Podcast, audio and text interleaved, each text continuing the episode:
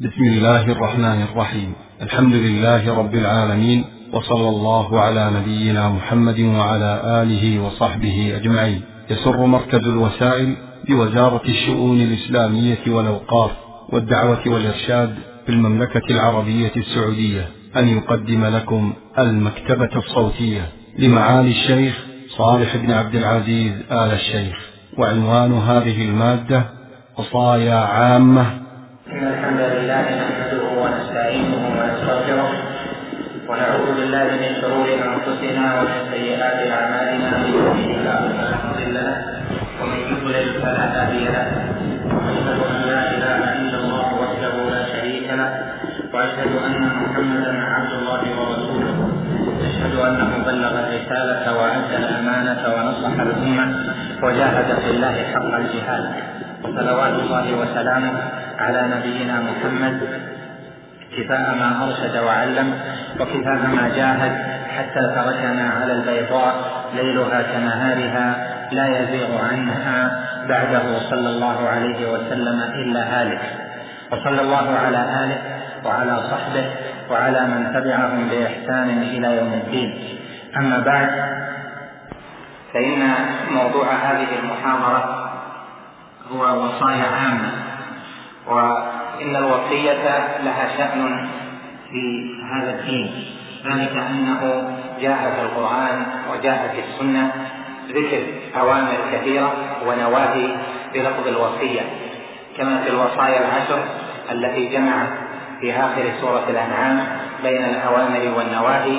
قال جل وعلا في أولها قل تعالوا أتل ما حرم ربكم عليكم ألا تشركوا به شيئا قال في آخر الآية الأولى ذلكم وصاكم به لعلكم تعقلون. ثم قال في الآية الأخرى ذلكم وصاكم به. ثم في الثالثة قال ذلكم وصاكم به. فالأوامر والنواهي وصية عظيمة من الوصايا التي في الكتاب والسنة. ولهذا لا غرابة أن يكون المرء مستوصى به وأن يكون موصيا. فهو قد وصي وكذلك ينبغي له أن ينقل هذه الوصية إلى من بعده. فالوصية في هذا الدين أمرها عظيم وأعظم الوصايا التي وصى الله جل وعلا بها عباده المرسلين وعباده المتقين من أول ما خلق الله آدم إلى أن يرث الله الأرض ومن عليها تقوى الله جل جلاله. ذلك أن الله سبحانه وتعالى أمر المرسلين جميعا أن يأمروا أقوامهم وأن يوصوهم بتقوى الله جل وعلا. قال سبحانه ولقد وصينا الذين أوتوا الكتاب من قبلكم وإياكم أن اتقوا الله. وإذا تأملت سورة الشعراء وجدت أن كل رسول يأتي ويقول لقومه كما في قوله كذبت قوم نوح المرسلين إذ قال لهم أخوهم نوح ألا تتقون؟ وهذا فيه الحد والترغيب والأمر بالتقوى. قال جل وعلا أيضا في قصة قوم صالح وفي قصة قوم هود كل أولئك يقول الله جل وعلا للرسل أن آمروا أقوامكم بتقوى الله جل وعلا. كذبت قوم نوح المرسلين إذ قال لهم أخوهم نوح ألا تتقون إني لكم رسول مبين. إني لكم رسول أمين فاتقوا الله وأطيعون.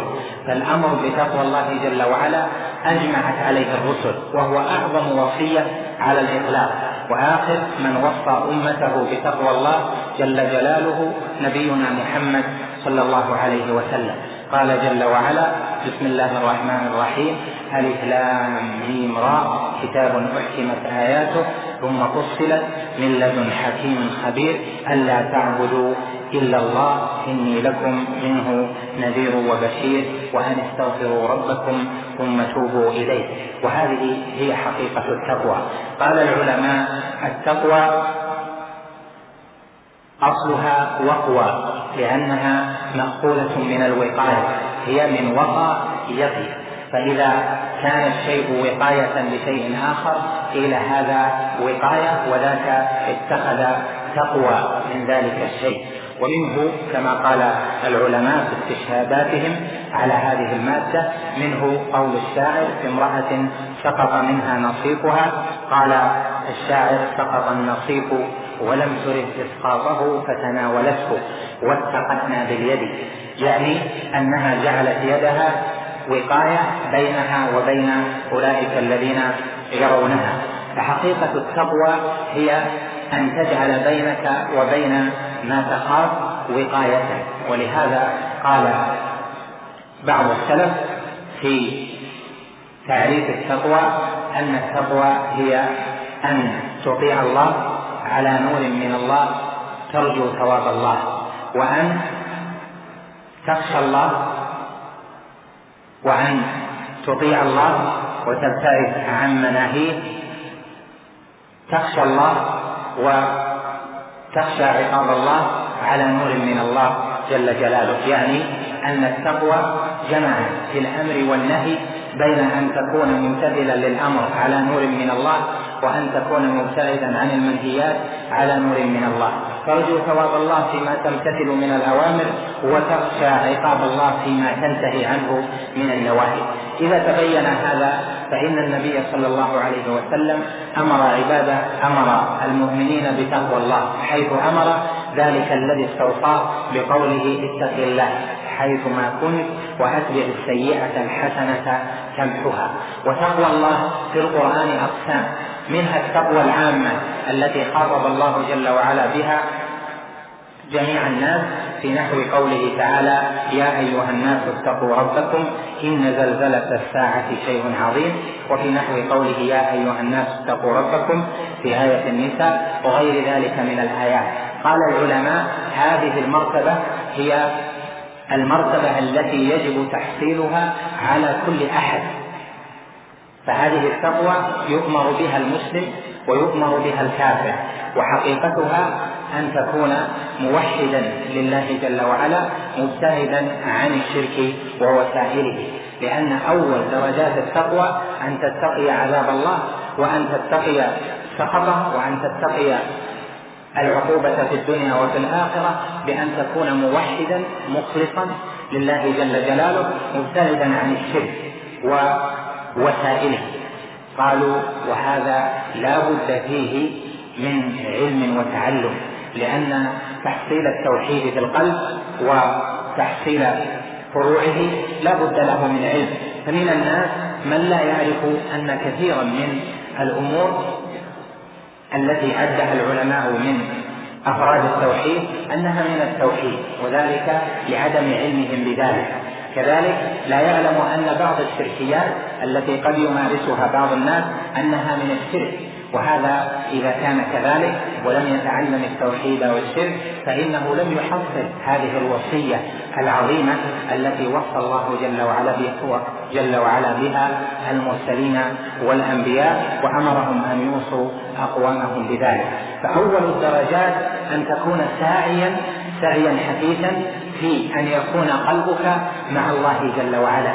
وصلاح القلب ونوره إنما بكون الله جل وعلا فيه وبتخليص القلب من أن يكون فيه رغب ونظر إلى غير الله جل وعلا.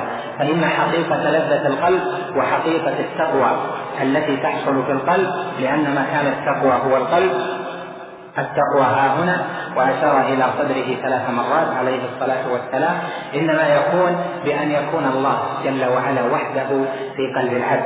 فإذا دخل غير الله جل وعلا في قلب العبد فإنه ينزاح منه من التقوى بقدر ما دخل من ذلك.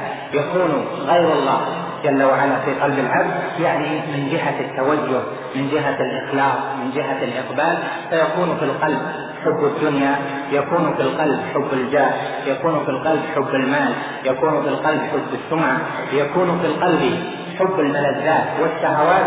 فإذا قويت هذه في القلب ضعفت التقوى حتى ربما وصلت بالمرء إلى أنه يفرط في الأوامر ويفرط في أمر النواهي يعني يغشى النواهي ويترك الأوامر فصلاح القلب بتحصيل هذه الدرجة العظيمة من تقوى الله جل وعلا وهي بأن تخلص القلب من غير الله جل جلاله. وهذا إنما يكون بالمحاسبة. فإن لذة القلب إنما هي بالله جل وعلا. وقد قال شيخ الإسلام ابن تيمية كما نقله عنه تلميذه العلامة ابن القيم إن في الدنيا جنة من لم يدخلها لم يدخل جنة الآخرة. أو من لم يعرفها لم يعرف جنة الآخرة. وهذه الجنة التي في الدنيا هي جنة جنة لذة القلب بمعرفة الله جل وعلا وتوحيده والأنس به. فإن القلب المخبت المنيب أحوج ما تراه يكون لنفسه أن يكون مقبلا على الله ومنقطعا عن الخلق. يعني أنه إذا خالط الناس فيخالطهم مخالطة الكاره لذلك وأما قلبه فإنما هو معلق بالله جل وعلا في الأقوال وفي الأعمال. إذا تحرك قلبه فإنما يتحرك لله جل وعلا وإذا فكر قلبه فإنما يفكر في أمر الله جل وعلا وفي دينه وفيما يجب عليه وفيما يحرم. وأساس هذه الدرجة أن يكون القلب معلقا بالجنة خائفا من النار. قال جل وعلا أفمن وعدناه وعدا حسنا فهو لاقيه. كمن متعناه متاع الحياة الدنيا ثم هو يوم القيامة من المحضرين. قوله هنا أفمن وعدناه وعدا حسنا يعني ذلك القلب الذي قامت فيه التقوى وأثمرت عملا صالحا واقترابا من الأوامر وبعدا عن النواهي وإن لكل شيء وسيلة. فتحصيل هذه الدرجة من درجات التقوى والتقوى كما ذكرنا هي أعظم وصية من وصايا الله جل وعلا لعباده.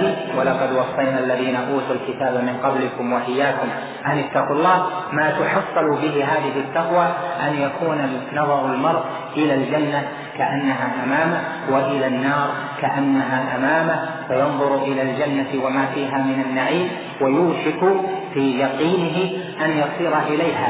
إن رحمه الله إن رحمه الله جل وعلا ومات على الإيمان والتوحيد وينظر إلى النار وما فيها وما أخبر الله جل وعلا عما في النار من النكال والعذاب فيخاف. ويوشك ويرى نفسه وكأنه إن لم يرحمه الله جل وعلا وقد وقع ذلك العذاب. صلاح القلب بألا تغيب الجنة ولا النار عن ذلك القلب لحظة واحدة. فإذا كان القلب أتاه هذا النور أتاه هذا الصلاح كان متقيا لله جل وعلا بأعظم أنواع التقوى ألا وهو تحصيل الطاعات والبعد عن تحصيل التوحيد. وفروع التوحيد والبعد عن الشرك وعن المنهيات. إن هذا الأمر ألا وهو معرفة التوحيد ومعرفة ضده وهو الشرك يحتاج إلى تعلم. من الناس من يترك نفسه دون تعلم ويقول أنا على الفطرة أو من في بيتي على الفطرة وأعظم ما تتركه في بيتك بل أعظم ما تتركه لنفسك وتجعل نفسك متعلقة به أن يكون القلب دائما في سلامة من أن يكون فيه غير الله جل وعلا. وذلك في تحقيق الإخلاص والبعد عن الشرك وهذا يحتاج إلى تعلم. لهذا لا بد من أن يكون للعبد نظر مع نفسه جاد في هل حصل هذه المرتبة من التقوى أم لم يحصلها لأن التوحيد له فروع كثيرة ولأن الشرك له فروع كثيرة ومن أنواع الشرك ما ينافي كمال التوحيد ومنه ما ينافي أصل التوحيد ومن الناس من يغشى بعض الذنوب المتعلقة بالتوحيد والشرك يعني المنافية لكمال التوحيد أو التي هي من شرك الألفاظ أو الشرك الأصغر دون أن يشعر. والمرتبة الثانية من مراتب التقوى هي تقوى الله جل وعلا بامتثال أوامره واجتناب نواهيه.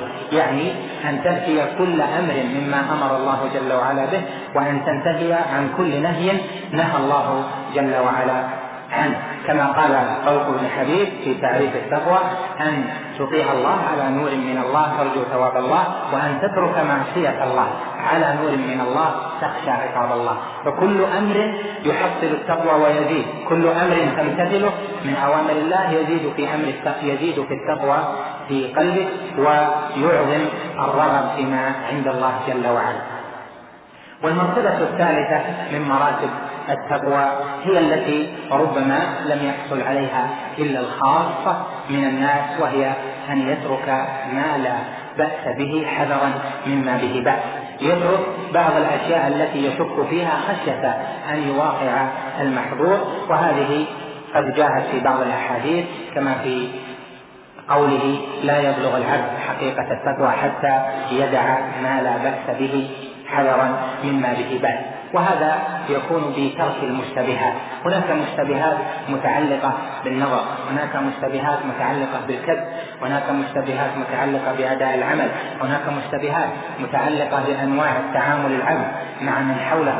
فإذا ترك تلك المشتبهات وابتعد عنها كان بعيدا عن الحرام وقريبا من تنفيذ وامتثال أمر الله جل جلاله. هذه هي الوصية الأولى الوصية بتقوى الله جل جلاله. أما الوصية الثانية فهي أن لا يترك العبد نفسه من التفكر في آلاء الله جل وعلا. وسكان المدن الذين يسكنون في المدن يفوتهم شيء عظيم ألا وهو التفكر في آلاء الله التفكر في ملكوت الله جل جلاله.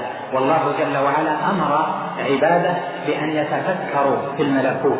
والتفكر في الملكوت يورث معرفة الله جل وعلا ويورث معرفة ربوبيته جل وعلا. وإذا أثمر ذلك الربوبية في قلب العبد وفي عقله ولبه فإن الربوبية تقود إلى عبادة الله جل وعلا حق عبادته. قال سبحانه آمرا بالتفكر إنما أعظكم بواحدة. أن تقوموا لله مثنى وفرادى ثم تتفكروا. وقال جل وعلا قل انظروا ماذا في السماوات والأرض. أهل المدن ينظرون إلى السماء وليست هي السماء وينظرون إلى الأرض وليست هي الأرض ينظرون إلى النبات وهو ينمو وليس هو في عينه النبات ينمو ينظرون إلى ما يحصل حولهم ولكن يفوتهم التفكر والتدبر.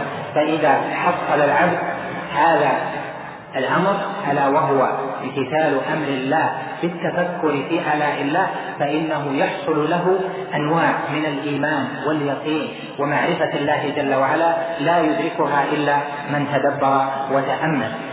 نقول إن توحيد الربوبية مما لم يبتل به الناس فإن توحيد الربوبية يعني الإقرار بأن الله جل وعلا هو الواحد في خلقه هو الخالق وحده وهو الرزاق وحده وهو المميت وحده وهو المعين وحده.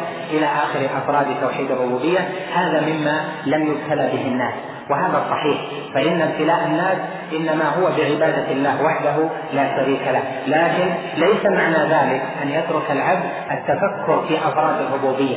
فإن التفكر في أفراد الربوبية أمر محتم واجب من الواجبات الشرعية لأن الله جل وعلا أمر به. كم من آية في القرآن وكم من حديث في السنة فيه وصف آلاء الله جل وعلا. فيه وصف ما في ملكوت الله جل جلاله. فتأمل وانظر في هذا الملكوت تأمل الأرض كيف هي. وقد أجمع العلماء على أنها كرة في السماء معلقة بلا عمل. وتأمل الشمس كيف تجيء وتذهب وكيف يحصل هذا ويحصل هذا من الذي فعل ذلك؟ وكيف خلقت الأرض على هذا النحو؟ وكيف علقت السماء على ذلك النحو؟ رفع السماء بغير رفع رفع السماء بغير عمد ترونها؟ وقال في الآية الأخرى خلق السماوات بغير عمد ترونها. فالسماوات والأرض عبرة. للمعتبرين. لكن من يعتبر؟ إنما يعتبر أولو الألباب. قال جل وعلا إن في خلق السماوات والأرض واختلاف الليل والنهار لآيات لأولي الألباب. فأولو الألباب هم الذين يستخرجون الآيات من السماوات والأرض.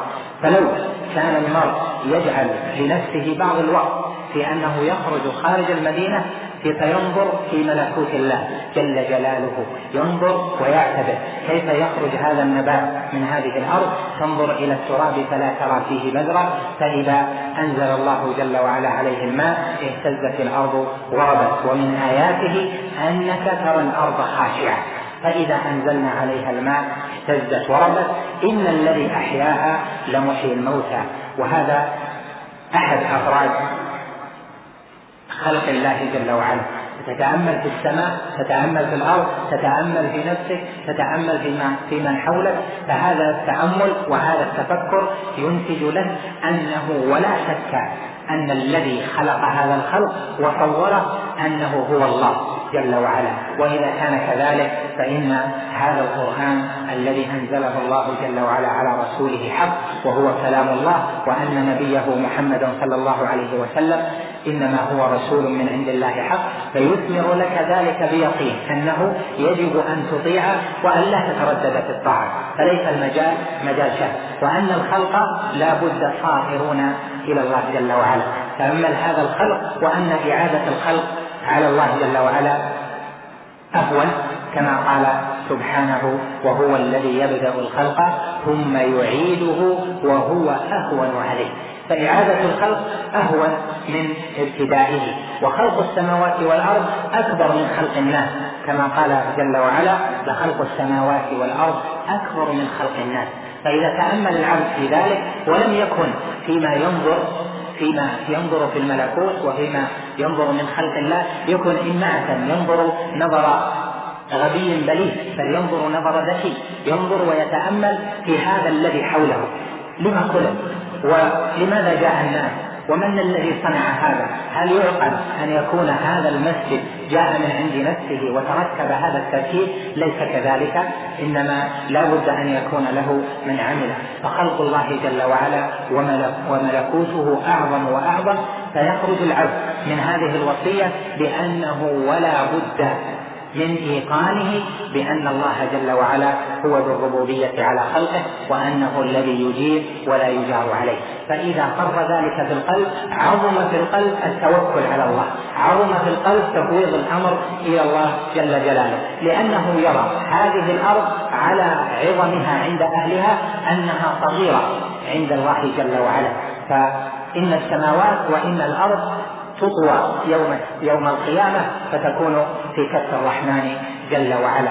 قال سبحانه يوم نطوي السماء كطي السجل للكتب. وفي القراءة الأخرى كطي السجل للكتاب. فهذا أمر عجيب. وقال سبحانه والسماوات والأرض جميعا قبضته يوم القيامة والسماوات مطويات بيمينه. وهذه السماوات التي فوقنا سماء تلو سماء وبين السماء والسماء كل ذلك خمسمائة عام. يعني كتب كل سماء مسيرة خمسمائة عام. وبين كل سماء وسماء مسيرة خمسمائة عام. وهكذا حتى تنتهي السبع سماوات. ثم يكون ثم كرسي الرحمن جل وعلا. ثم عرش الرحمن جل وعلا. واليوم الناظرون بهذه المراصد الجديدة وبهذه الأجهزة العجيبة توصلوا إلى مسافات عظيمة فيما رأوه من الأفلاك لكن قالوا تم شيء في في هذا الملكوت تم شيء في هذا الفلك لم نصل إليه ولم تدركه هذه الأجهزة على عظمها. فخلق الله جل وعلا عجيب. لخلق السماوات والأرض أكبر من خلق الناس.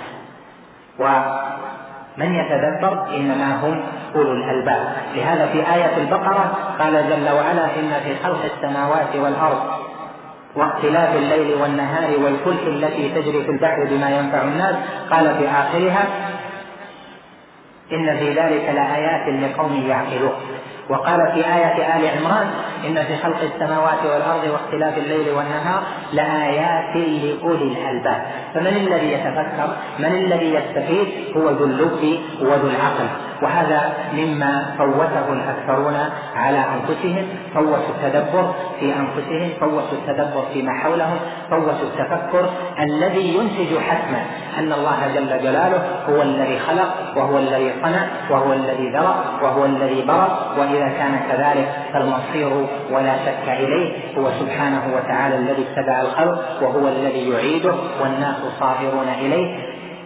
ويوم القيامة آت لا محالة لا ريب فيه فيورث ذلك العبد صحة في قلبه وصحة في عمله وصحة في اتباعه حتى لا يكون في قلبه شك فيما أخبر الله جل وعلا به ولا فيما جاء به نبينا صلى الله عليه وسلم.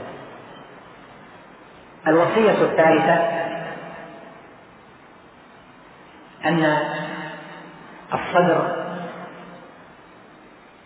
له أحوال. جاءت هذه الأحوال في الكتاب والسنة ومرتكزها على حالين. الحالة الأولى أن يكون الصدر منشرحا للباطل قال جل وعلا ولكن من شرح بالكفر صدره. قال العلماء انشراح الصدر بالباطل وسيلة إلى عمله وإلى الاقتراب منه وإلى الوقوع فيه. وكذلك يقابله انشراح الصدر بالحق فإنه وسيلة وطريقة إلى أن يقبل العبد على هذا الحق وأن يأتيه. قال جل وعلا أفمن شرح الله صدره للإسلام فهو على نور من ربه. وقال جل وعلا فمن يرد الله أن يهديه يشرح صدره للإسلام ومن يرد أن يضله يجعل صدره ضيقا حرجا كأنما يصعد في السماء. وقال جل وعلا في فاتحة سورة الأعراف فلا يكن في صدرك حرج منه لتنذر به وذكرى للمؤمنين؟ فهذا الصدر إما أن يكون منشرحا للحق وإما أن يكون منشرحا للباطل.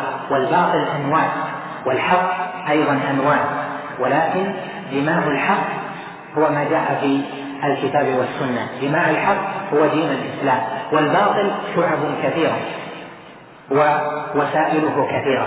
فمن شرح صدرا بنوع من أنواع الباطل فإنه وسيلة إلى أن يخسر ويخسر حتى يكون هذا الصدر قد حوى الباطل ثم توافر الباطل القلوب والجوارح. لهذا كان من اللوازم على العبد أن يكون متاملا في هذه الآية في قوله جل وعلا ولكن من شرح بالكفر صدرا وفي قوله فلا يكن في صدرك حرج منه. وذلك أن انشراح الصدر بالحق وسيلة إلى مواقعته وأن انشراح الصدر بالباطل وسيلة إلى مواقعته. بما يكون انشراح الصدر بالباطل وبما يكون انشراح الصدر بالحق إن أنواع الباطل كثيرة. تقول من أنواع الباطل انشراح الصدر لعدم تعظيم الرب جل جلاله. أحيانا يأتي من يأتي ويكون يحضر بعض المجالس التي فيها عدم توقير لله جل جلاله. يعني إذا ذكرت الآيات فلا تجد في قلوبهم وجل ولا خوف ولا تعظيم للمتكلم بهذه الآيات. وإذا ذكر حديث الرسول صلى الله عليه وسلم عارضوه بآرائهم وبعقولهم فينشرح معهم ويضحك كما يضحكون ويستأنس كما يستأنسون. وهذا نوع من انشراح الصدر بالباطل. والواجب على العبد أن يكون قلبه منشرحا للحق. وإذا أتى نوع من أنواع الباطل إذا أتاه نوع من أنواع الباطل فيكون في القلب بغض لذلك يكون في الصدر بعد عنه وكراهية لذلك الشيء. لهذا انشراح الصدر بالباطل يأتي بالباطل حتى يغشاه العبد خذ مثلا الغيبة. كلنا يعلم أن الغيبة حرام وهي كبيرة من الكبائر.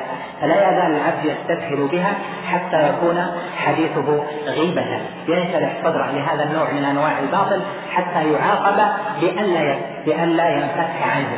خذ مثلا فضول النظر. بالنظر إلى النساء وعدم غض البصر عنهن فلا يزال ينظر وينظر ويستسهل بذلك حتى ينشرح صدره إلى ذلك فيرى أنه ليس ثم شيء في النظر إلى ذلك. فيخشى انواعا من الباطل بانشراح الصدر لذلك الباطل. كذلك خذ فضول الكلام فضول اللسان. فإن القلب فإن الصدر والقلب ينشرحان لهذا النوع من الباطل بأن يدخل في كلام لا يسوق كلام في التعدي في نيل من الأعراض أو في قولا فيه مقالة سوء أو ظن سوء إلى آخره مما نهى الله جل وعلا عنه من موبقات اللسان ومن آفات اللسان فينشرح صدر العبد بذلك حتى يكون همه ذلك خذ مثلا أيضا من فضول المقال ما يكون عند البعض. من أنه يأتي له أصحاب وإن كانوا أصحاب خير وهدى فيدخلون في كلامه يعلم هو أنه لا يجوز لكن رعاية لصحبتهم يدخل معهم في ذلك المقال إما فيه نيل من أهل العلم أو فيه نيل من المسلمين أو فيه ظن سوء أو فيه اتباع لغير سبيل المؤمنين من البدع والمحدثات ونحو ذلك فيظل يجامل كما يقال ويجامل يجامل حتى ينشرح صدره بالباطل. والواجب على العبد أن يسعى في أن لا ينشرح صدره بالباطل. وكيف ينشرح الصدر بالباطل؟ بأن يتساهل شيئا فشيئا فإذا تساهل أقدم. كذلك في المقابل في الجهة الأخرى انشراح الصدر بالحق. قال جل وعلا أفمن شرح الله صدره للإسلام فهو على نور من ربه. إن انشراح الصدر بالإسلام بأوامر الإسلام يكون أول الدرجات منه بقبوله وبمحبته حتى ولو لم يعمله العبد. فإن العباد قد لا يعملون بكل ما أمروا به. لكن الواجب عليهم أن تنشرح صدورهم للحق تنشرح صدورهم لأمر الله جل وعلا. فإن هذا يعقبهم خيرا. وإن العبد يهم بالحسنه فلا يعملها فتكتب له حسنه وهذا من رحمة الله جل وعلا بالعبد. لكن انشراح الصدر بالحق انشراح الصدر بأنواع الهدى بأمور الإسلام هذا يسبب لك أنواع من القرب من الخير. أمور الإسلام وشعب الإسلام كثيرة متنوعة. وإذا شرح الله صدرك للإسلام فإن فإنك تقبل على روضات وجنات. قال سبحانه فمن يريد الله أن يهديه يشرح صدره للإسلام ومن يريد أن يضله يجعل صدره ضيقا حرجا. إذا فانشراح الصدر بالباطل هذا وسيلة إلى غثيان الباطل. فالواجب على العبد أن يحاسب نفسه أول ما يجد من نفسه انشراح صدر لنوع من أنواع الباطل. وإلا لو تساهل تساهل فإنه يكون هو الذي جنى على نفسه. كذلك إذا رأى العبد نوع إذا رأى العبد نوعا من أنواع الخير فأول الدرجات أن ينشرح صدره لذلك الخير لما جاء من أمر الله من أمر رسوله صلى الله عليه وسلم ويحب ذلك ويحب من عمل به حتى ولو لم يعمل به فإن انشراح الصدر بذلك وعدم الحرج في الصدر مما أنزل الله جل وعلا إنه نوع من أنواع العبادة وسبب من أسباب الهدى والفلاح. الوصية الرابعة وصية بالجد وترك التسويف ترك الأماني وقد قال ابن القيم رحمه الله تعالى إن مفسدات القلوب خمسة. المخالطة والأماني وفضول الكلام والشبع والنوم أصول مفسدات القلب خمسة. كثرة المخالطة والأماني وفضول الكلام والشبع يعني دائما وكثرة النوم. وهذا الذي قاله صحيح وقد شرحه وبين. يهمنا منها سنتان الأولى منها الأماني وهي التسويف. ووصيتنا هذه بترك التسويف وترك الأماني وقد ثبت في الحديث أن النبي صلى الله عليه وسلم قال العاجز الكيس من دان نفسه وعمل لما بعد الموت والعاجز من أتبع نفسه هواها وتمنى على الله الأماني. والأماني بحر واسع لا ساحل له. من الناس من يتمنى خذ مثلا من الشباب من يتمنى أن يكون طالب علم. يتمنى أن يكون فاهما للعلم. لكن متى تبتدئ بجد؟ يقول سأبتدئ متى؟ بعد الاختبار. منهم من إذا أتت العطلة قال أول العطلة أنشغل بها. ثم بعد ذلك في منتصفها في آخرها إلى آخر ذلك. يعلل النفس بالآمال. يعلل النفس بأنه سيعمل ويعمل. فينقضي العمر وتنقضي زهرة العمر وهو الشباب ولا يحصل شيئا. السبب أنه أفسد إرادته بالأماني الباطلة. من اقتنع بشيء فليغشاه فورا فليغشه فورا. إذا اقتنعت بأن بأنك تريد أن تكون طالب علم فلتبدأ فورا. بعض الناس يريد أن يكون مطيعا يعلم أنه على معصية وعلى ذنب أو مفرط في واجب من واجبات الله. متى تتوب متى تنيب يقول انتظر شهر شهرين بس حتى انتهي ثم بعد ذلك أصحح العمل أصحح الطريق أنظر إلى نفسي وأحاسبها محاسبة جازمة نوع من الأمان وهي من مفسدات القلوب. التسويف سوف هذه من أعظم الأسلحة التي تسفك بالناس. من الناس من يعلم أن أهل بيته بحاجة إلى توجيهه بحاجة إلى إصلاحه بحاجة إلى النظر في أحوالهم. ولكن متى يبتدئ؟ يقول الآن عندي مهمات وعندي كذا وكذا. إذا ابتدأت العطلة كما نسمعها كثيرا سأسافر معهم وسأبتدئ في نصائحهم وسأضع لهم درسا وأوجه وأبدأ معهم في السيرة أو أبدأ معهم في دراسة لبعض كلمات السلف الصالح أو في جلسات مختصرة مع الأهل والأولاد أو الإخوان إلى آخر ذلك. فيمتد به الزمن ويأتي الشاغل دون الشاغل وهو في أمانه لا حصل ما يريد ولا هو انتبه لغلطه مع نفسه. كذلك في باب الأماني أماني الخير أماني الإصلاح أماني هداية الناس. إلى الحق والهدى على مستوى المجتمع أو على مستوى الأمة. من الناس من يقول سواء كانوا أفرادا أو مجموعات أو جماعات من سنعمل؟ سنعمل وتمضي السنون ولم يعملوا شيئا أو ربما عملوا شيئا غير محمود. فسيصححون ويقتنعون أن هذا الذي هم عليه ليس بجيد أو أن غيره أفضل منه أو أنه خطأ. فيتمنون الاماني في الإصلاح وهم ماكثون على شهواتهم أو ماكثون على انقضاء أوقاتهم في غير الجد إذا اقتنعوا بهذا الشيء فالواجب أن يبادروه.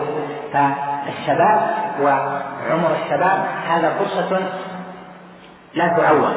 وقد قال التهامي رحمه الله في مرضيته لولده التي مطلعها حكم المنية في البرية جاري.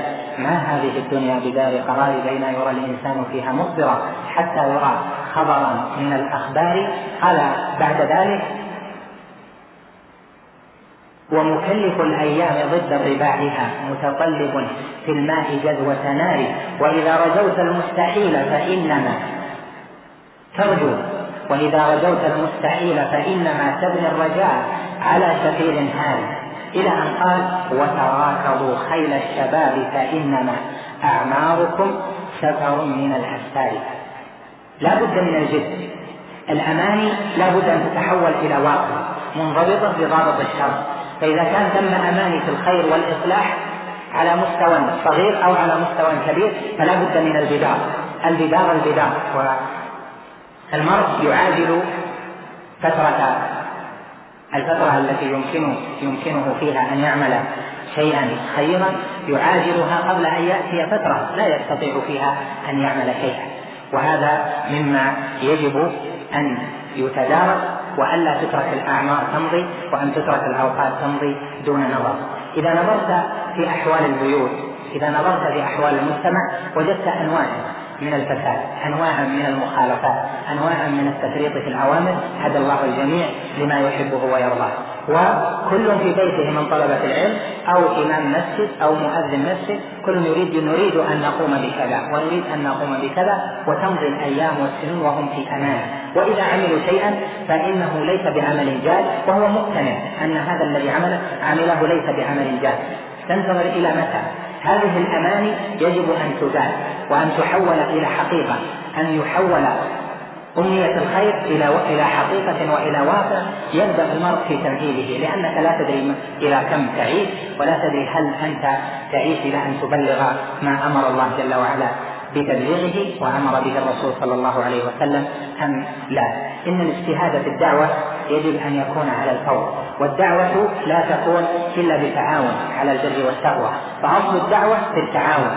ومن الناس كما قد سمعت وعرض علي شيء من ذلك من الناس من يقول نريد أن نعمل ونريد أن نكون مجموعة تدعو إلى الخير ونكون مجموعة يتعاونون على مستوى حارتهم أو على مستوى قريتهم إلى آخره وتمضي الأيام وهم في أمان لم يحصلوا شيئا. لا بد من من التسابق مع الزمن. لا بد أن تسعى وأن تبتدئ نفسك بنفسك وأن تبتدئ بمن حولك وأن تسعى في الإصلاح والخير. وأن لا تتمنى على الله الأماني فالأماني مضرة. ولهذا نقول إن من رام شيئا من أمور الخير والصلاح فليبادر به قبل أن يفوت الوقت. إذا نظرت الآن إلى الأحوال وجدت أن عندنا من المنكرات ومن المفاسد ما يزيد كل سنة بسنة، كل سنة يزيد من انحراف الناس عن الحق والهدى ومن غشيان الباطل للقلوب ومن إقبالهم على الشهوات خاصة شهوتي المال والنساء. أقبل الناس عليهما دون حد وهذا لا بد معه من إصلاح يجابه ذلك لكن مقيد بالضوابط الشرعية والعباد. لو عملوا لا لأدركوا وقد كان بعض الأدباء كتب كتابة في وسيلة من وسائل الإصلاح وبحسب نظره قال لما عرض واقعا يعيشه هو قال علم الرجال أم لم ينهض الرجال بواجبهم؟ هل علم الرجال لم يعد أحد يقوم بواجبه الذي جعله الله جل وعلا على هذه الأمة أم إنه تم رجال ولكن يتمنون الأماني؟ لا شك أنه أول درجات معرفة الواجب أن يتخلص المرء من الأماني وأن يسعى جهده في أن يجعل يومه وليلته في الخير والهدى والصلاح لأن هذا الأمر الذي ترونه من انتشار الموبقات والمنكرات وأنواع المفاسد لا بد له من إنكار لا بد له من تعاون على البر والتقوى لتقليله أو إزالته الوصية السادسة الخامسة الإقلال من من الخلطة. الإقلال من الخلطة أو الخلطة كما نصح ابن القيم رحمه الله لأن من مفسدات من مفسدات القلب الإكثار من الخلطة.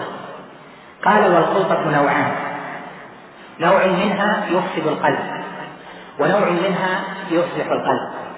فأما التي تفسد القلب فهي أن يسعى في مخالطة الناس والكلام معهم بفضول المباحات أو أحيانا بالمشتبهات أو بالمحرمات. يعني يحب أن يكثر الاختلاف يحب أن أن يكثر معارفه، يحب أن يتعرف على هذا وهذا ويأتي مجلس هذا وينتقل من مجلس هذا إلى ذاك ويتعرف على عشرة وعشرين وثلاثين. وهذه أنواع هذه الكثرة في التعارف هي سبب لأن تتأثر بما عند أولئك. لأن كل إنسان فيه خير وفيه شر. فإذا كان من يخالطه العبد عنده بعض الشرور فإن العبد مع كثرة الاختلاط لا بد وأن يأخذ من هذا وهذا وربما اجتمعت عليه. وهذه خلطة مذمومة. والقلب المتعلق بالله جل جلاله لا يأنس. بالخلق كثيرا إلا إذا كان في توجيههم وفي إرشادهم وفي التعاون معهم على البر والتقوى. أما هو فيكون مشغولا بربه جل وعلا عما سواه وفي الله جل جلاله شغل عما سواه.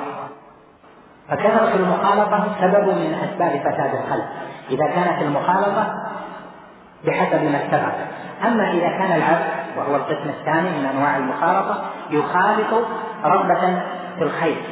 إذا حضر مكانا وتعرف على أحد فإنما يتعرف ويخالط لأجل تحصيل الخير ولأجل دفع الشر. فهذا مخالطته محمودة وفيها صلاح لقلبه. وقد تحضر مجلسا أو مجالس فتخجل من أن تجعل ذلك المجلس مجلس خير وهدى. فتخالف وربما شاع في ذلك المجلس ما هو من فضول المباحات أو ربما من الكلمات التي ضررها أكثر من نفعها أو ما هو من المحرمات. فلا بد أن يكون الراغب في صلاح قلبه وصلاح الآخرين أن يأخذ بهذه الوصية التي أوصى بها ابن القيم في أن يكون المرء مقداما في الخير. يعني إذا حضر مجلسا فليبتدئ الكلام. إذا نظرت إلى المجالس ربما تحضر مثلا في وليمة في عزيمة تحضر في في لقاء مع أناس إلى آخره تلحظ أن الناس يبدأون ويتكلمون في موضوع ثم تمضي مدة وهم يتكلمون في ذلك الموضوع. فإذا ابتدأت أنت الكلام في موضوع ما فإنه غالبا ما ينشغل الناس بتحليلات ذلك الموضوع. مدة من الزمن يكون فيها الخير وفيها التوجيه وفيها الدعوة والصلاح. فإذا الذي يجب على الذي يسعى في صلاح نفسه وصلاح غيره أن يكون مقداما في الخير. يأتيه الشيطان كما قال ابن القيم بأحبولته التي قليل من ينجو منها. فيقول إذا تحدثت أو إذا قلت ذلك فإنك تريد الشهرة أو تريد أن تذكر أو تريد أن تصرف وجوه الناس إليك أو نحو ذلك. قال فإذا أتى بهذه المحبولة فتعوذ بالله جل وعلا منه وتوكل على الله جل جلاله واجعل مخالطتك ومجالسك بخير وهدى وإرشاد الخلق إلى ما يجب عليهم وإلى ما ينبغي أو ما يجب أن يحذروه إذا المخالطة هذه يجب أن تصنف نفسك معه إلى أي درجة تخالط؟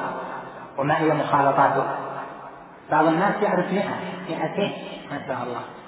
وبعضهم يعرف أكثر وأقل ويظن أن كثرة المعارف هذه وكثرة إتيان هذا وهذا وهذا وهذا أنها أصلح للقلب ليست كذلك. فصلاح القلب بقلة المخالطة إلا ما كان من المخالطة في أمر بمعروف ونهي عن منكر أو بعلم أو دعوة أو خير أو فلاح. هذه المخالطة محمودة. وإذا أقل العبد في المخالطة أنس بربه جل وعلا أنس بالقرآن. اشتاق لله جل وعلا اشتاق لتلاوة كتابه إذا صلى فإنه يكون للصلاة معه يكون للصلاة في حقه معنى. فإنه ينادي ويحس أنه لن يكون مسرعا في طلب مخالطة الخلق بل هو منشغل بمناجاة الله جل وعلا عن مناجاة أو مناداة الخلق ومخالطتهم. تلحظ من نفسك أن الذي يكثر المخالطة ويكثر الحديث مع الناس حتى على أبواب المساجد قبل الإقامة أنه إذا دخل في الصلاة لا يدخلها بقلب خاشع. لا يدخلها بقلب قد ظهر عليه بتقييمه لنفسه لذة مناجاة خالقه جل وعلا. وذلك لأن كثرة مخالطة الخلق تقتضي كثرة سماع كلامه وكثرة السماع تشغل القلب وتشغل العقل. إلا ما كان في حق وهدى إذا فالمخالطة يجب أن توزن بالميزان وأن تنتبه لها. في نفسك كذلك في من تعود كذلك في من حولك كذلك في من توجه. أخ لك أو صديق أو ابن أو بنت إلى آخر أصناف الناس يأتي ويخالف هذا ويخالف الثاني والثالث. كم له من الأصحاب أو كم لها من الصاحبات؟ تجد أن لها عددا وأن له عددا. وهذا لا شك أنه يحدث أنواع من المفاسد. فالمربي كما أنه يربي نفسه على قلة الخلطة إلا والاختلاط إلا فيما ينفع كذلك ينبغي له أن يكون في تربيته لمن حوله أن يكون إذا كان لا بد أن يخالطوا فأن تكون مخالطتهم وأن يكون أصدقاؤهم عددا محدودا. وهذا من الأمور التي ينبغي أن يتنبه لها المربون خاصة في البيوت وأولياء أمور البيوت.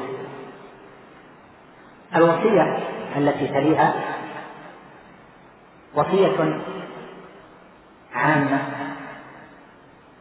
وخاصة. هي عامة لجميع الناس وخاصة لخاصة الناس. ألا وهي أن يكون الله جل جلاله ورسوله صلى الله عليه وسلم أحب للمرء مما سواهما. وهذه من أسباب تحصيل لذة الإيمان بالقلب. ثلاث من كن فيه وجد بهن حلاوة الإيمان. أن يكون الله ورسوله أحب إليه مما سواهما. إذا كان الله جل جلاله ورسوله صلى الله عليه وسلم أحب للعبد من كل ما سواهما من نفسك من أهلك من الدنيا من المال من الشهوات فإن هذا يثمر تعلقا للعبد بالآخرة وامتثالا في هذه الدنيا لأمر الله جل وعلا وأمر رسوله صلى الله عليه وسلم. ويثمر ترك الأهوى والشبهات والشهوات لأن العبد إذا كان الله ورسوله أحب إليه مما سواهما فإنه يسعى إلى أن تكون هذه المحبة صحيحة وهذه المحبة إنما تكون صحيحة بأن يتعرف المرء على ما جاء في القرآن وما جاء في السنة. فإذا علمه وتعرف إليه عمل به. ولشيخ الإسلام رحمه الله كتاب عظيم اسمه قاعدة في المحبة. وبنى هذا الكتاب على هذا الحديث. وقال فيه يعني قاعدة الكتاب أن المحبة هي المحركة. فمحبة صاحب الدنيا للدنيا هي التي حركته لهذه الدنيا. إذا أحب المال تحرك. قام آخر الليل لأجل أن يذهب إلى الموعد الفلاني في الوقت الفلاني. محبة بعض الرجال للنساء وللشهوات تجعله يتحرك في ذلك ولو بذل وقتا ومالا إلى آخره. محبة أهل الطاعة للطاعة جعلتهم يتحركون في الطاعة. محبة أهل الإصلاح للإصلاح جعلتهم يتحركون في الإصلاح. إذا كان الله ورسوله أحب للعبد مما سواهما فإنه ينتج من ذلك أن تكون حركة العبد وتحرك العبد لله جل جلاله وفي أمر رسوله صلى الله عليه وسلم وليس للخلق ولا لأحد لأن المحبة هي التي تولد الحركة هذا هذا أصل وقاعدة. ولها تفريعات. من تفريعاتها أن محبة الله جل جلاله ومحبة رسوله صلى الله عليه وسلم تقتضي أن يكون العبد محكما لكلام الله وكلام رسوله صلى الله عليه وسلم على نفسه دون غلبة للهوى لأن المحبة كلما زادت كلما تخلص العبد من من الهوى. والهوى مركب. كما قال بعض الأدباء مركب يلذ للقاصر الغريق ومركب يلذ للقاصر الذي لا يعرف العاقبة ولكن النهاية يغرق في يغرق في هذا المركب. الهوى هو أحد أعظم الأسباب التي تصرف عن محبة الله ورسوله. فتم إذا أصل ونتيجة. الأصل محبة الله جل وعلا ومحبة رسوله صلى الله عليه وسلم ونتيجة هذه المحبة ترك الهوى. فمن كان عنده بعض الهوى إما في الشبهات أو في الشهوات فتنتج من ذلك أو ينتج من ذلك التقعيد أن محبته لله جل وعلا ولرسوله صلى الله عليه وسلم محبة ناقصة. وقد قال جل وعلا قل إن كنتم تحبون الله فاتبعوني يحببكم الله ويغفر لكم ذنوبكم. قال بعض السلف ليس الشأن أن تحب أن تحب يعني أن تحب الله ولكن الشأن أن تحب. فإذا كان العبد في هذا الأصل ألا وهو محبة الله جل وعلا ومحبة رسوله فإنه ينتج عنه ترك الهوى. والهوى لا بد من أن يذكر بعض مظاهره لأن تعظيم المحبة سببه ترك الهوى. ومن مظاهر تحكيم الهوى أن يعطل المرء طاعة الله جل وعلا وطاعة رسوله صلى الله عليه وسلم في بعض النصوص لما ألفه أو لما تعلمه. أو لما نشأ عليه. والهوى قد يكون سببه العلم يكون ألف شيئا حتى صار هوى له ورغبة وحتى يظن أنه الحق. وقد قد يكون نشأ على شيء وهذا الذي نشأ عليه غلب على عقله وغلب على لبه حتى صار هوى له ويكون الحق في غيره. المرء لأجل محبته لله جل وعلا ولرسوله صلى الله عليه وسلم يجب عليه أن يخلص نفسه من أن يكون له هوى في شيء إلا فيما جاء به المصطفى صلى الله عليه وسلم. كما جاء في الحديث عن النبي صلى الله عليه وسلم أنه قال لا يؤمن أحدكم حتى يكون هواه تبعا لما جئت به. النشأة كما ذكرت وهذه كلمة قد تكون ألفظ للشباب.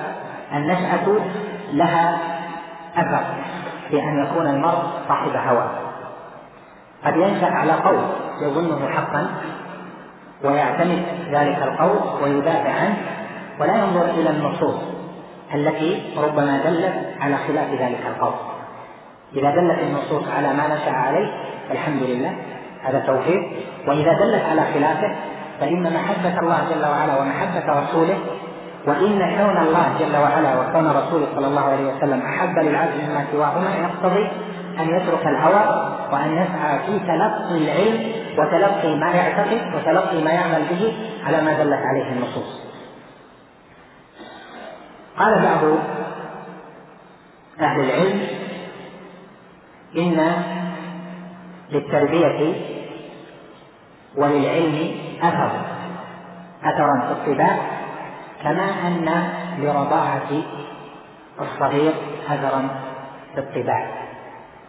الصغير إذا أرضعه من ليس من عنده صفات إذا أرضعته من عندها صفات مذمومة ربما أتته هذه الصفات يأتي بها الرضاع. ولذلك جاء عن بعض السلف أنه قال إن الرضاعة نسبة فلا تسقي من يهودية ولا نصرانية. فلا تسقي أو فلا تسقي من يهودية ولا نصرانية. وقد كان بعض العلماء خطيبا فعلا يؤثر في الناس وكان مهتما برضاع أحد أولاده. حتى إنه حرج امرأته في أن يرضع ذلك الولد إلا هي. أو إلا من يعلم فحصل مرة أنه أتت هذا أتت ذلك البيت امرأة وكانت ترضع فأرضعت ذلك الرضعات بغيبة من الوالد حتى رضع رضعات متعدية. سب ذلك فصار من العلماء. فكان إذا تكلم ربما أدركته حسة وهو يتكلم. وليس على شأن أبيه. وكما تعلمون أن الرضاء أن الحليب أو اللبن منسوب إلى الوالد وليس على شأن أبيه. فيقال له كيف أدركتك تلك الحبسة وأنت ابن فلان؟ فقال هذا من آثار الرضعة الأولى. فالرضعة مؤثرة ولا شك والرضاع مؤثر. كذلك رضاء الآراء رضاء الأفكار. فإن الذي يقبل على الخير ويقبل على الاستقامة يرضى من الخير والهدى بحسب من يخالطه فإذا أدرك بعد زمن واستقام وأقبل على الله جل وعلا فصار لا يحتاج في الغالب إلى موجه يجب عليه بعد ذلك أن يتأمل نفسه في هذا الأمر وهو تخليصها من الهوى. لأنه ما استقام ولا رغب إلا رغبة في أن يكون الله جل وعلا ورسوله صلى الله عليه وسلم أحب إليه مما سواهما. وسبيل ذلك أن يترك الهوى إلا في طاعة الرسول صلى الله عليه وسلم. وهذه مسألة مهمة ينبغي أن تتدارسوها وهي أن المرء في أول إقباله يعلق بذهنه أشياء وبقلبه أشياء قد لا يستطيع التخلص منها إلا إذا حزم على نفسه وخلص نفسه من الهوى وأقبل على تحسين العلم وتحسين الكتاب والسنة. وهذا ولا شك يتطلب من المرء جهدا ويتطلب من المرء حسن توكل على الله جل جلاله وفي ذلك أعظم الأثر يعني عظم التوكل على الله جل جلاله. هذه مجموعة من الوصايا واقتضاها الخاطب المستعجل لعل فيها كفاية ونجعل بقية الوقت للأسئلة هذا وصلى الله وسلم وبارك على نبينا محمد. جزا الله فضيلة الشيخ خير الجزاء على هذه المحاضرة القيمة. نسأل الله العلي القدير أن يجعلها في ميزان حسناته. فضيلة الشيخ هذا سائل يسأل يقول ذكرتم حفظكم الله الحديث الذي روي عن النبي صلى الله عليه وسلم أنه قال لا يؤمن أحدكم حتى يكون هواه تبعا لما جئت به. فضيلة الشيخ ما صحة هذا الحديث هل هو صحيح؟ حيث أني سمعت أنه ضعيف وما الراجح في الاحتجاج بالضعيف في غير الأحكام والعقائد من الوعظ وغيرها؟ وفقكم الله. الحمد لله. أما هذا الحديث فإنه من الأحاديث التي اختارها النووي رحمه الله تعالى. في الأربعين النووية المعروفة وقال فيه حديث صحيح قويناه في كتاب الحجة بإسناد صحيح. وذكره بهذه العبارة إمام هذه الدعوة الشيخ محمد بن عبد الوهاب رحمه الله تعالى في كتاب التوحيد. والذين ضعفوه ضعفوه لأجل أن في إسناده نعيم بن حماد وقد قال عدد من أهل العلم أنه ضعيف من قبل حفظه على إمامته في السنة وقوته على أهل البدع والمحدثات. وهذا الذي أعلوه به ليس بوجيه من جهتين. الجهة الأولى أن تضعيف نعيم بن حماد ليس هو بالتضعيف الذي يطرح معه حديثه مطلقا وإنما إن قيل بتضعيفه تبعا لمن قال ذلك فهو يقبل حديثه إذا توبع أو إذا صار لحديثه شواهد.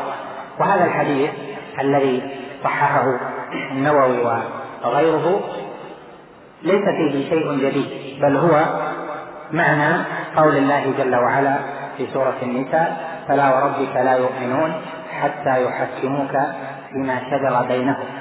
ثم لا يجدوا في أنفسهم حرجا مما قضيت ويسلموا تسليما. قال العلماء هذا الحديث بمعنى الآية. وإذا كان كذلك فإن هذا الحديث يصح لأن الآية شاهدة له. وهذا على التنزل على أن في إسناده ضعفا والوجه الثاني من ذلك أنه من المتقرر عند أهل العلم أن الحديث إذا كان يشهد له آية من القرآن فإنه يصح بذلك الحديث وينسب مع ذلك للنبي صلى الله عليه وسلم. ذكر هذه القاعدة في غير موضع ابن جرير رحمه الله في كتابه في تفسيره العظيم للقرآن جامع البيان وكذلك في كتابه تهذيب الآثار وهو الذي عليه عمل أهل العلم. فإذا كانت الآية في معنى الحديث فإنه لا إشكال أن يقال أن الحديث صحيح لأنه ليس فيه معنى يخالف ما جاء في الكتاب ولا في السنة بل إنما فيه موافق لما في القرآن وما في السنة. والشق الثاني من السؤال مسألة الاحتجاج بالحديث الضعيف في العقائد والأحكام. هذه المسألة لها أحوال. ذلك أن الحديث الضعيف يراد به يعني ما سنتكلم عليه هو الحديث الذي لم يشتد ضعفه. وذلك بأن يكون في الإسناد بأن يكون في الإسناد راو ضعيف الحفظ أو لين أو مقبول أو مستور الحال ونحو ذلك. فهذا تقبل له الشواهد وإذا وجد ما يحتج إذا وجد ما يستشهد يشهد له أو ما يستشهد له به فإنه يقوى وينتقل من الضعف إلى الحسن لغيره. في العقائد أهل الحديث لا يحتجون بحديث ضعيف في العقائد. وقد قال هذه الكلمة شيخ الإسلام ابن تيمية.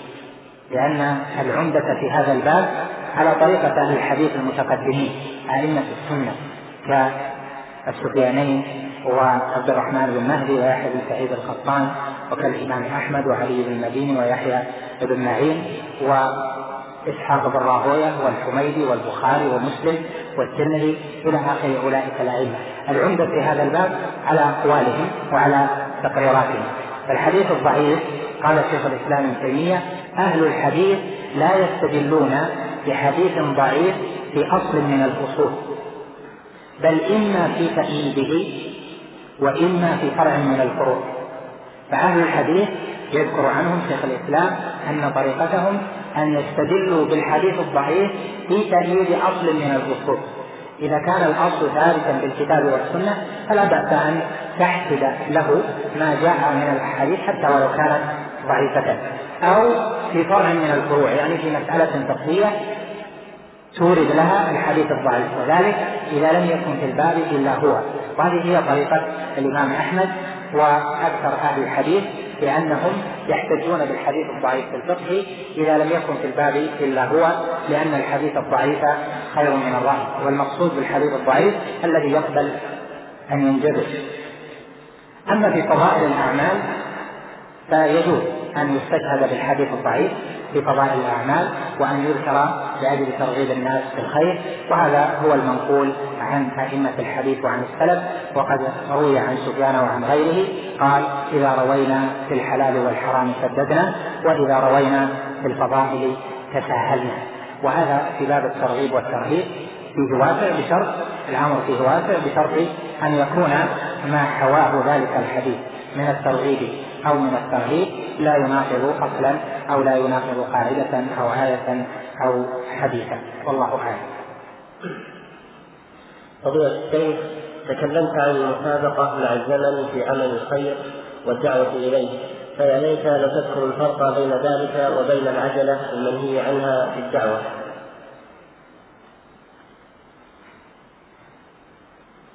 المسابقة هي أن يستغل الوقت جميع الوقت في عمل الخير. لأنك إذا تأخرت في الإقدام على الخير فإن أهل الشر لن يتأخروا في الإقدام على الشر والدعوة إليه وتحديد الباطل والشهوات إلى الناس.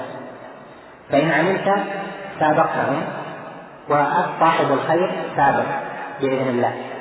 أما العجلة المنهي عنها في بعض الآيات وفي بعض الأحاديث كقوله جل وعلا فاصبر إن وعد الله حق ولا يستخفنك الذين لا يوقنون. وكقوله عليه الصلاة والسلام ولكنكم قوم تستعجلون. هذا المراد به العجلة في حصول ما وعد الله جل وعلا به من النصر لأوليائه والعز لأهل طاعته والذل لأهل معصيته. فهذا هو الذي نهي عن أن يستعجل قدر الله جل وعلا أو أن يستعجل أمر الله جل وعلا.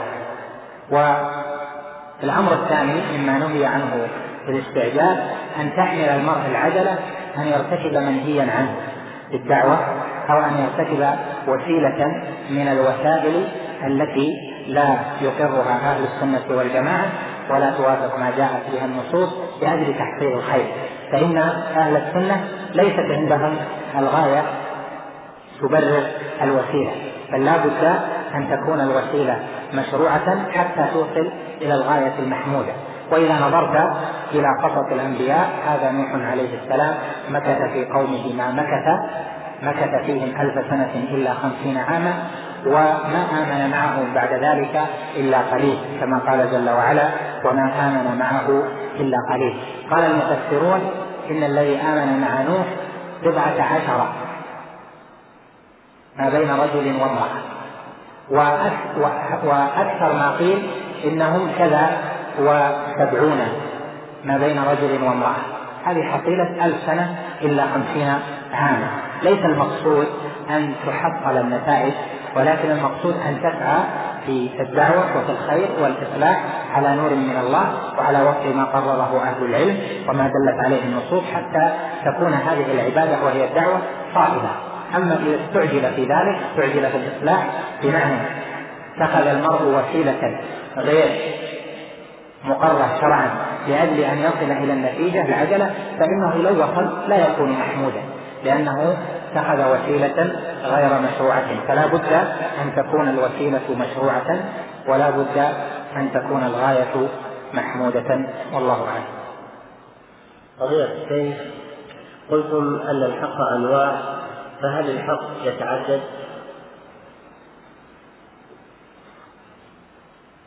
هذا السؤال كأن السائل يريد أن نوضح له ولغيره هذه المقالة الحق واحد لا يتعدد يعني الحق الذي يرضاه الله جل وعلا وهو حكمه الشرعي واحد لا يتعدد المسائل التي اختلف فيها العلماء.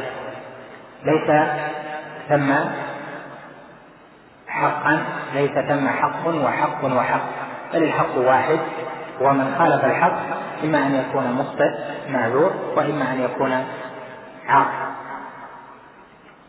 وأما الحق الذي عنيناه فهو خروج ذلك الحق. وهذا كقوله جل وعلا وأن هذا صراطي مستقيما فاتبعوه ولا تتبعوا السبل فتفرق بكم عن سبيله. فوحد الصراط وهو سبيل واحد. وأن هذا صراطي مستقيما فاتبعوه. فجعله صراطا واحدا وجعل سبل الباطل كثيرة فقال ولا تتبعوا السبل. ومع ذلك فجعل الله جل وعلا لسبيل الحق سبلا. قال سبحانه والذين جاهدوا فينا لنهدينهم سبلنا وإن الله لمع المحسنين. فالسبل هذه في داخل الصراط. سبيل واحد يجمعها وهو القرآن وهو الإسلام وهو السنة كما فسر بذلك قوله جل وعلا اهدنا الصراط المستقيم اهدنا الصراط المستقيم إن الصراط المستقيم هو الإسلام هو القرآن. وهذا الصراط فيه في داخله سبل وفي داخله شعب. لكن ليست مفرقة عن ذلك السبيل. ليست مبعدة من سلكها عن ذلك السبيل بل هو فيها. إن سلك شعبة من تلك الشعب فهو فيها. فكذلك إذا قلنا إن الحق أنواع وإن الحق له فروع وله شعب فنريد به فروع الحق الداخلة في السبيل الواحد وفي الحق الواحد. نعم. قضية الشيخ من العلم ما تعلمه ضروري متعين على كل أحد ما الطريقة المثلى لتحصيله؟ أعد من العلم ما تعلمه ضروري متعين على كل أحد ما الطريقة المثلى لتحصيله؟ العلم قسمان فرض عين فرض كفاية فرض العين هو الذي يجب على كل مسلم أن يتعلم وهو ما به تصح عباداته وتصح معاملاته. وأصل ذلك أن يصح القلب في الإخلاص يعني أن يتعلم التوحيد وضده. هذا فرض عين. وأن يتعلم ما تصح به صلاته من الشروط والأركان والواجبات. يتعلم هذا فترة من عمره أسبوع على أحد أهل العلم حتى يضبط ذلك. كذلك إذا كان له أموال يتعلم كيف يخرج الزكاة أو كيف يحصي الزكاة وكيف يحسب الزكاة؟ إذا كان يبيع ويشتري لابد أن يتعلم أحكام البيع الجائز وأحكام البيع غير الجائز ويسأل أهل العلم حتى يكون فيما يأتي ويذر على بينة. هذا القسم فرض عين. كل من احتاج في العمل أو في العبادة إلى أحكام شرعية يمارسها دائما فإنها تكون فرضا عليه في صلاته وزكاته وسائر أركان الإسلام. من أمثل ما يطلب به ذلك بالتوحيد كتاب ثلاثة الأصول للشيخ الإمام محمد بن عبد الوهاب رحمه الله. فإن ذلك الإمام نظر إلى سؤال الملكين في القبر يسألان العبد عن ربه وعن دينه وعن نبيه صلى الله عليه وسلم. إذا أتى العبد إذا دخل العبد في القبر إذا أدخل القبر ووري عليه التراب أتاه ملكان. فيسألانه من ربك؟ ما دينك؟ من نبيك؟ هذه الأسئلة الثلاثة سماها الشيخ محمد رحمه الله سماها ثلاثة الأصول. وأجاب عنها أجاب عن هذه الأسئلة بالأدلة في رسالة صغيرة سماها ثلاثة الأصول. هي أجوبة تلك المسائل. فمن درسها وتحفظها وكانت دائما على ذكر منه فإنه حري بالتثبيت عند ذلك السؤال. قال العلماء يكفي أن يتعلم أجوبة تلك المسائل في عمره مرة مع دليلها حتى لو نسي بعد ذلك يكون كافيا إلا إذا أتى ردة تتخلل ذلك فإنه يجب عليه أن يعود فيتذكر ذلك حتى يدخل في الإسلام عن دليل لا عن تقليد. هذا في التوحيد هذه رسالة مختصرة. أما في أمور الصلاة والزكاة فله أيضا رسالة اسمها سماها آداب المشي إلى الصلاة انتزعها من بعض كتب الفقهاء. نعم. فضيلة الشيخ كثرت بين الشباب في هذه الأيام النقاشات والجدال وهم بين محق وبين مخطئ وذلك يعود لأسباب أهمها اتباع الهوى وترك منهج السلف الصالح فإذا قيل لأحدهم قال الله قال رسوله كان جوابه هذا صحيح ولكن ثم بدأ يعدد حججا عقلية لا صلة لها بالدليل فهل من وصية لهذا الصنف من الشباب؟ الوصية وصيتان. وصية لهذا الصنف ووصية أيضا لغيره.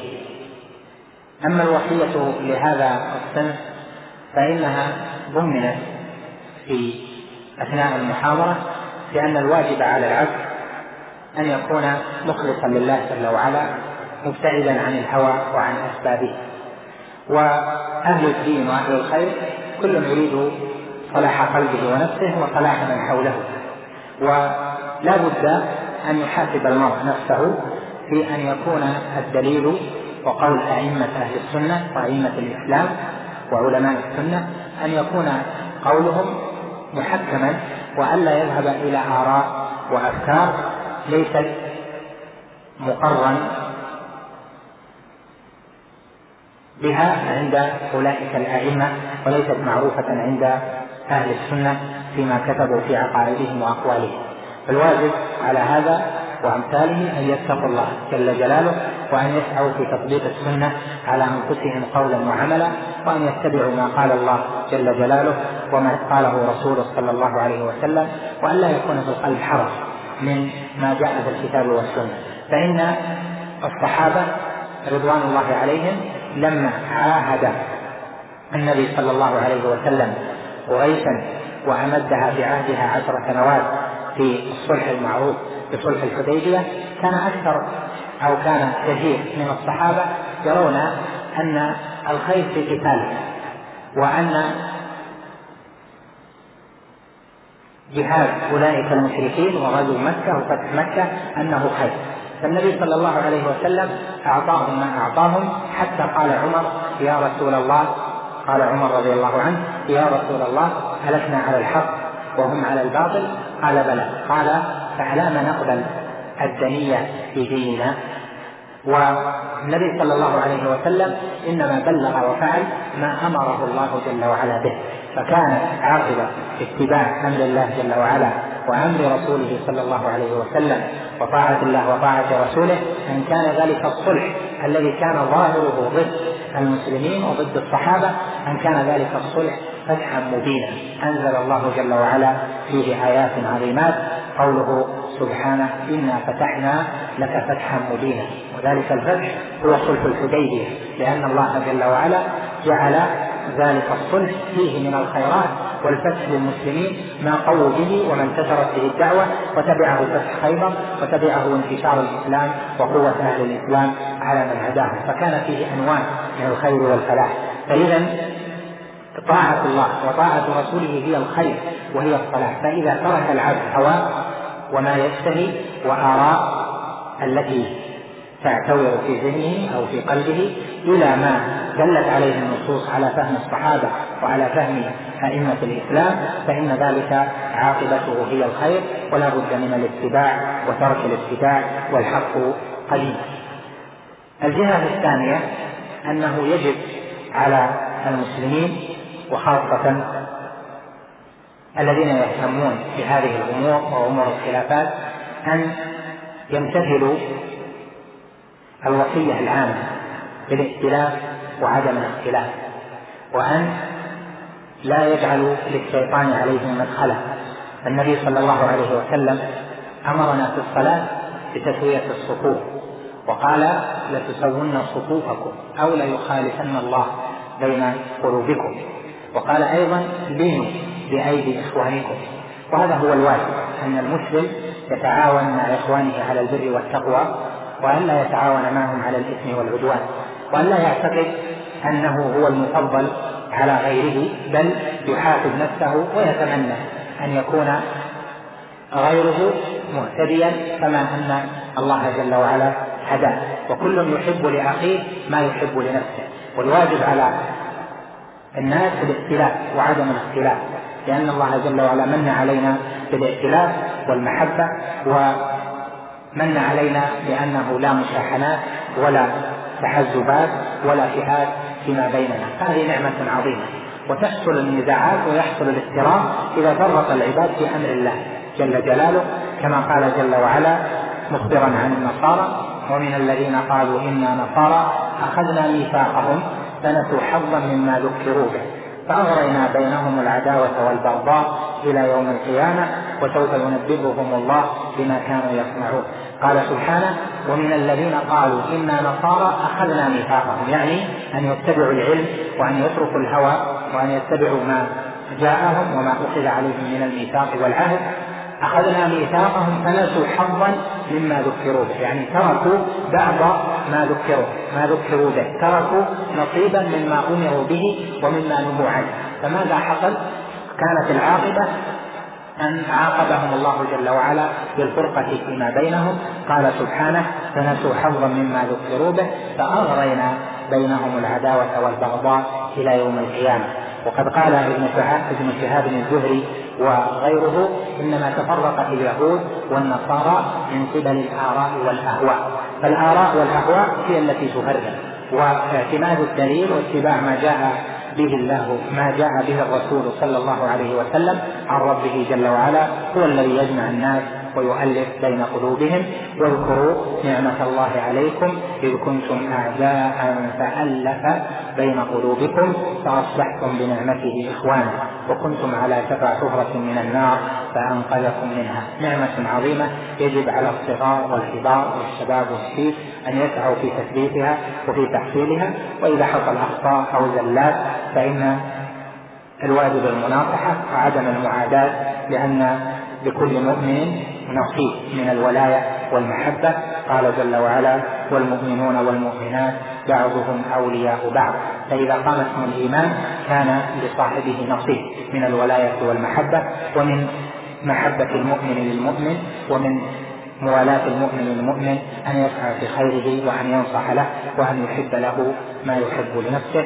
هذا وأسأل الله جل وعلا لي ولكم مغفرة الذنوب والتسديد في الأقوال والأعمال وأن يغفر لنا ولوالدينا وأن يلهمنا رشدنا وأن يقينا شر أنفسنا وأن يوفقنا وأن يوفق ولاة أمورنا وعلماءنا والمسلمين أجمعين لما فيه خير الإسلام والمسلمين وأن يعيذنا من شر أنفسنا والشيطان وأن يقيمنا على الهدى ما حيينا وأن يتوفانا وهو راض عنا وأن يجمعنا في الجنة كما جمعنا في هذا المسجد. اللهم استجب اللهم فاغفر ذنبا وصلى الله وسلم وبارك على نبينا محمد. مع تحيات مركز الوسائل بوزارة الشؤون الإسلامية والأوقاف والدعوة والإرشاد بالمملكة العربية السعودية.